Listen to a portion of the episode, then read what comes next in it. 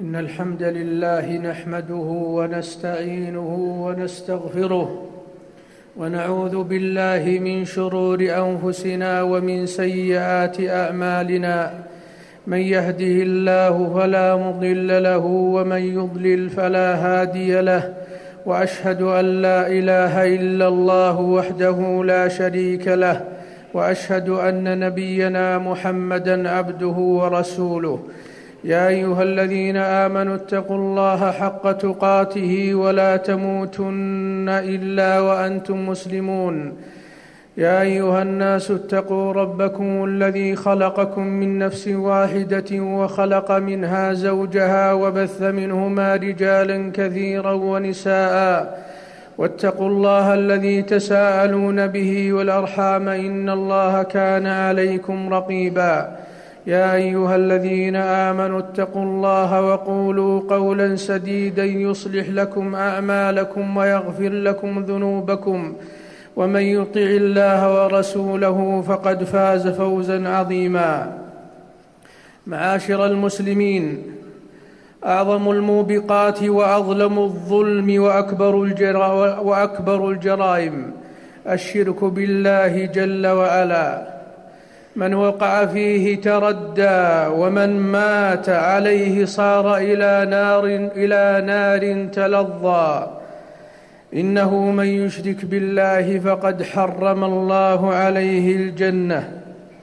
ورسولنا صلى الله عليه وسلم يقول من مات وهو يدعو من دون الله ندا دخل النار رواه البخاري. ويقول صلى الله عليه وسلم أيضا من لقي الله يشرك به شيئا دخل النار. ولذا فمن رام الفوز والنجاة وابتغى الخير والزكاة فليكن على حذر من الشرك ووسائله ومظاهره وذرائعه حتى يصير آمنا مطمئنا دنيا وأخرى. يقول جل وعلا الذين آمنوا ولم يلبسوا إيمانهم بظلم أولئك لهم الأمن وهم مهتدون. ويقول رسولنا صلى الله عليه وسلم فإن الله حرم على النار. من قال لا إله إلا الله يبتغي بذلك وجه الله. وقال عليه الصلاة والسلام من لقي الله لا يشرك به شيئا دخل الجنة. ألا وإن من صور الشرك ألا وإن من صور الشرك وأصوله أن تعظم أيها المخلوق أن تعظم مخلوقا ايا كانت مرتبته وإن كان نبيا مرسلا وملكا مقربا. أن تعظمه كتعظيم الله أو أن تعتقد أن له بعض الخصائص الإلهية. قل إنما أنا بشر مثلكم يوحى إلي أنما إلهكم إله واحد فمن كان يرجو لقاء ربه فليعمل عملا صالحا ولا يشرك بعبادة ربه احدا. ورسولنا صلى الله عليه وسلم يقرر هذا الأصل بقوله لا تطروني كما أطرت النصارى ابن مريم إنما أنا عبد فقولوا عبد الله ورسوله. وإن من أمثلة هذا الأصل أن تحلف أيها المخلوق بغير الله معظما المحلوف كتعظيم الله جل وعلا فذلك شرك أكبر محبط, محبط للأمل. وإلا فإن جرى ذلك على اللسان من غير قصد التعظيم للمحلوف فهو شرك أصغر أعظم من الكبائر ثبت عن رسولنا صلى الله عليه وسلم أنه قال من حلف بغير الله فقد كفر أو أشرك وفي البخاري لا تحلفوا بآب إن الله ينهاكم أن تحلفوا بآبائكم فمن كان حالفا فليحلف بالله أو ليصمت. معاشر المسلمين ومن صور الشرك الأكبر المحبط للأمل المخلد في نار جهنم اعتقاد أن غير الله جل وعلا له تصرف في الكون. وأنه ينفع ويضر من دون الله جل وعلا. ولذا فمن اعتقد في سبب ما أنه مؤثر بنفسه كمن يلبس حرزا أو يضعه في بيته معتقدا أنه بنفسه جالب للنفع دافع للضر فذلك شرك أكبر. وإن يمسسك الله بضر فلا كاشف له إلا هو وإن يردك بخير فلا راد لفضله. وإن من صور الشرك الأكبر التي تقع عند القبور ما يفعله بعض من الجهال من التوجه للموتى يسألونهم تفريج الهموم وكشف الغموم. ويطلبون منهم قضاء الحاجات ويرجون منهم رفع الكربات فذلك من أقبح الشرك بالله المخالف لدعوة رسول الله صلى الله عليه وسلم. أمن يجيب المضطر إذا دعاه ويكشف السوء ويجعلكم خلفاء الأرض. أإله مع الله؟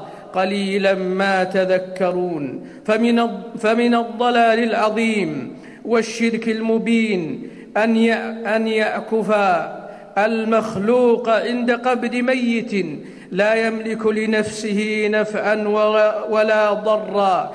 يسجد له أو يطوف بقبره أو يذبح له أو يدعوه ويرجوه فتالله ذلكم هو الإفك العظيم والشرك الجسيم. ومن أضل ممن يدعو من دون الله من لا يستجيب له إلى يوم القيامة وهم عن دعائهم غافلون. ويقول سبحانه ولا تدع من دون الله ما لا ينفعك ولا يضرك فإن فعلت فإنك إذا من الظالمين. عباد الله من أعظم الخسران أن يتخذ أحد ملجأ غير الله جل وعلا كلما وقع في ورطة أو حصل له مصيبة نادى يا فلان وهذا فيه نسيان للقادر العظيم الرب الرحيم وذلك هو محض الشرك. إن الذين تدعون من دون الله عباد أمثالكم. فكن أيها المسلم عبدا مخلصا لربك في دعائك ورجائك وخوفك ومحبتك وتضرعك وتضرعك وتذللك. قل إن صلاتي ونسكي ومحياي ومماتي لله رب العالمين لا شريك له وبذلك أمرت وأنا أول المسلمين. ولذا عليه الصلاة والسلام استجاب لربه وقام بدعوة التوحيد فهو أعظم داعية له. وقد حمى جنابه عليه الصلاة والسلام قال عليه الصلاة والسلام لأنا لأن الله المتخذين قبور أنبيائهم مساجد ثم ذكر أنهم شرار الخلق عند الله ثم قال ألا فلا تتخذوا القبور مساجدا فإني أنهاكم عن ذلك. وفي الحديث الآخر في السنن أنه عليه الصلاة والسلام فيما رواه ابن عباس قال لعن رسول الله صلى الله عليه وسلم زائرات القبور والمتخذين عليها المساجد والسرج معاشر المسلمين. لقد حرص صلى الله عليه وسلم على تعظيم حق الله العظيم ألا وهو التوحيد الخالص له سبحانه. وحفظ وقام عليه الصلاة والسلام بكل وسيلة تحفظ جناب هذا الحق وتصون حماه. روى مالك في الموطأ أنه صلى الله عليه وسلم قال اللهم لا تجعل قبري وثنا يعبد اشتد غضب الله على قوم اتخذوا قبور أنبيائهم مساجد. سد عليه الصلاة والسلام كل طريق يوصل إلى الشرك بالله جل وعلا فقال لا تجعلوا قبري عيدا وصلوا علي فإن صلاتكم تبلغني حيث كنتم. رواه أبو داود ورواته ثقات. أي لا تصيروا قبري مكانا تعتادون المجيء إليه في أوقات مألومة. فكن أيها المسلم على حذر من هذه المصائب العظيمة والموبقات الجسيمة واعلم أن, للشي أن الشيطان بالمرصاد يزين للعباد الشرك وذرائعه ويصدهم عن التوحيد وصفائه.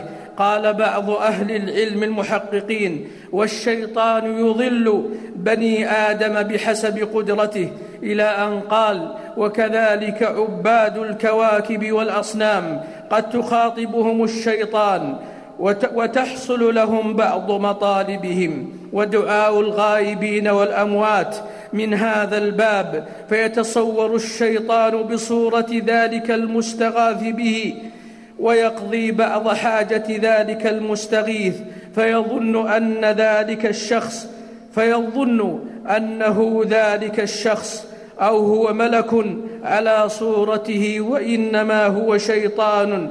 أضل هذا الداعي لما أشرك بالله. كما كانت الشياطين تدخل الأصنام وتكلم الشياطين إلى أن قال وقد يحصل أحيانا أن شيطانا يتمثل للداعي غير الله وقد يحصل بعض مطالبه. فاتقوا الله أيها المؤمنون وحققوا تعظيم خالقكم. أقول هذا القول وأستغفر الله لي ولكم ولسائر المسلمين من كل ذنب. فاستغفروه إنه هو الغفور الرحيم. الحمد لله كما يحب ربنا ويرضى وأشهد أن لا إله إلا الله وحده لا شريك له العلي الأعلى وأشهد أن سيدنا ونبينا محمدا عبده ورسوله فتح الله به أعينا عميا وآذانا صما وقلوبا غلفا اللهم صل وسلم وبارك عليه وعلى آله وأصحابه الأتقياء أما بعد فيا أيها المسلمون العبادة حق خالص لله جل وعلا. أول أمر يطالعك في المصحف يا أيها الناس اعبدوا ربكم الذي خلقكم والذين من قبلكم لعلكم تتقون. ورسولنا صلى الله عليه وسلم يقول وحق الله على العباد وحق الله على العباد أن يعبدوه ولا يشركوا به شيئا. والعبادة اسم جامع لما يحبه الله ويرضاه من الأقوال والأفعال الظاهرة كالصلاة والزكاة والصوم والحج وسائر وسائر المأمورات والباطنة كالخوف والمحبة والخشية والرجاء فمن صرف شيئا من ذلك لغير الله فقد أشرك بالله جل وعلا. فاحذر أخي المسلم من ذلك أشد الحذر فهو أعظم خطر وأقبح ضرر. إن الله لا يغفر أن يشرك به ويغفر ما دون ذلك لمن يشاء ومن يشرك بالله فقد افترى اثما عظيما. اللهم صل وسلم وبارك على سيدنا ونبينا محمد وعلى آله وأصحابه. اللهم أعز الإسلام والمسلمين. اللهم انصر المسلمين في كل مكان. اللهم فرج همومهم. اللهم فرج همومهم. اللهم ارفع كرباتهم. اللهم ارفع كرباتهم. اللهم حقق لهم الأمن والأمان. اللهم ارفع الفتن عن المسلمين. اللهم أطفئ الفتن عن المسلمين يا ذا الجلال والإكرام. اللهم انصرهم على عدوك وعدوهم يا ذا يا عزيز يا حكيم. اللهم اغفر للمؤمنين والمؤمنات والمسلمين والمسلمات الأحياء منهم والأموات. اللهم آتنا في الدنيا حسنة وفي الآخرة حسنة وقنا عذاب النار. اللهم احفظ المسلمين في كل مكان. اللهم احفظ المسلمين في كل مكان. اللهم احفظهم من كل من كل سوء ومكروه. اللهم احفظهم من كل سوء ومكروه. اللهم احفظهم من كل سوء ومكروه. يا ذا الجلال والإكرام. اللهم وفق جميع ولاة أمور المسلمين لما تحب وترضى. اللهم ول على المسلمين خيارهم واكفهم شرارهم. اللهم ول على المسلمين خيارهم واكفهم شرارهم. اللهم ول على المسلمين خيارهم واكفهم شرارهم. إنك القادر على ذلك يا رب العالمين. عباد الله واذكروا الله ذكرا كثيرا وسبحوه بكرة وأصيلا وآخر دعوانا أن الحمد لله رب العالمين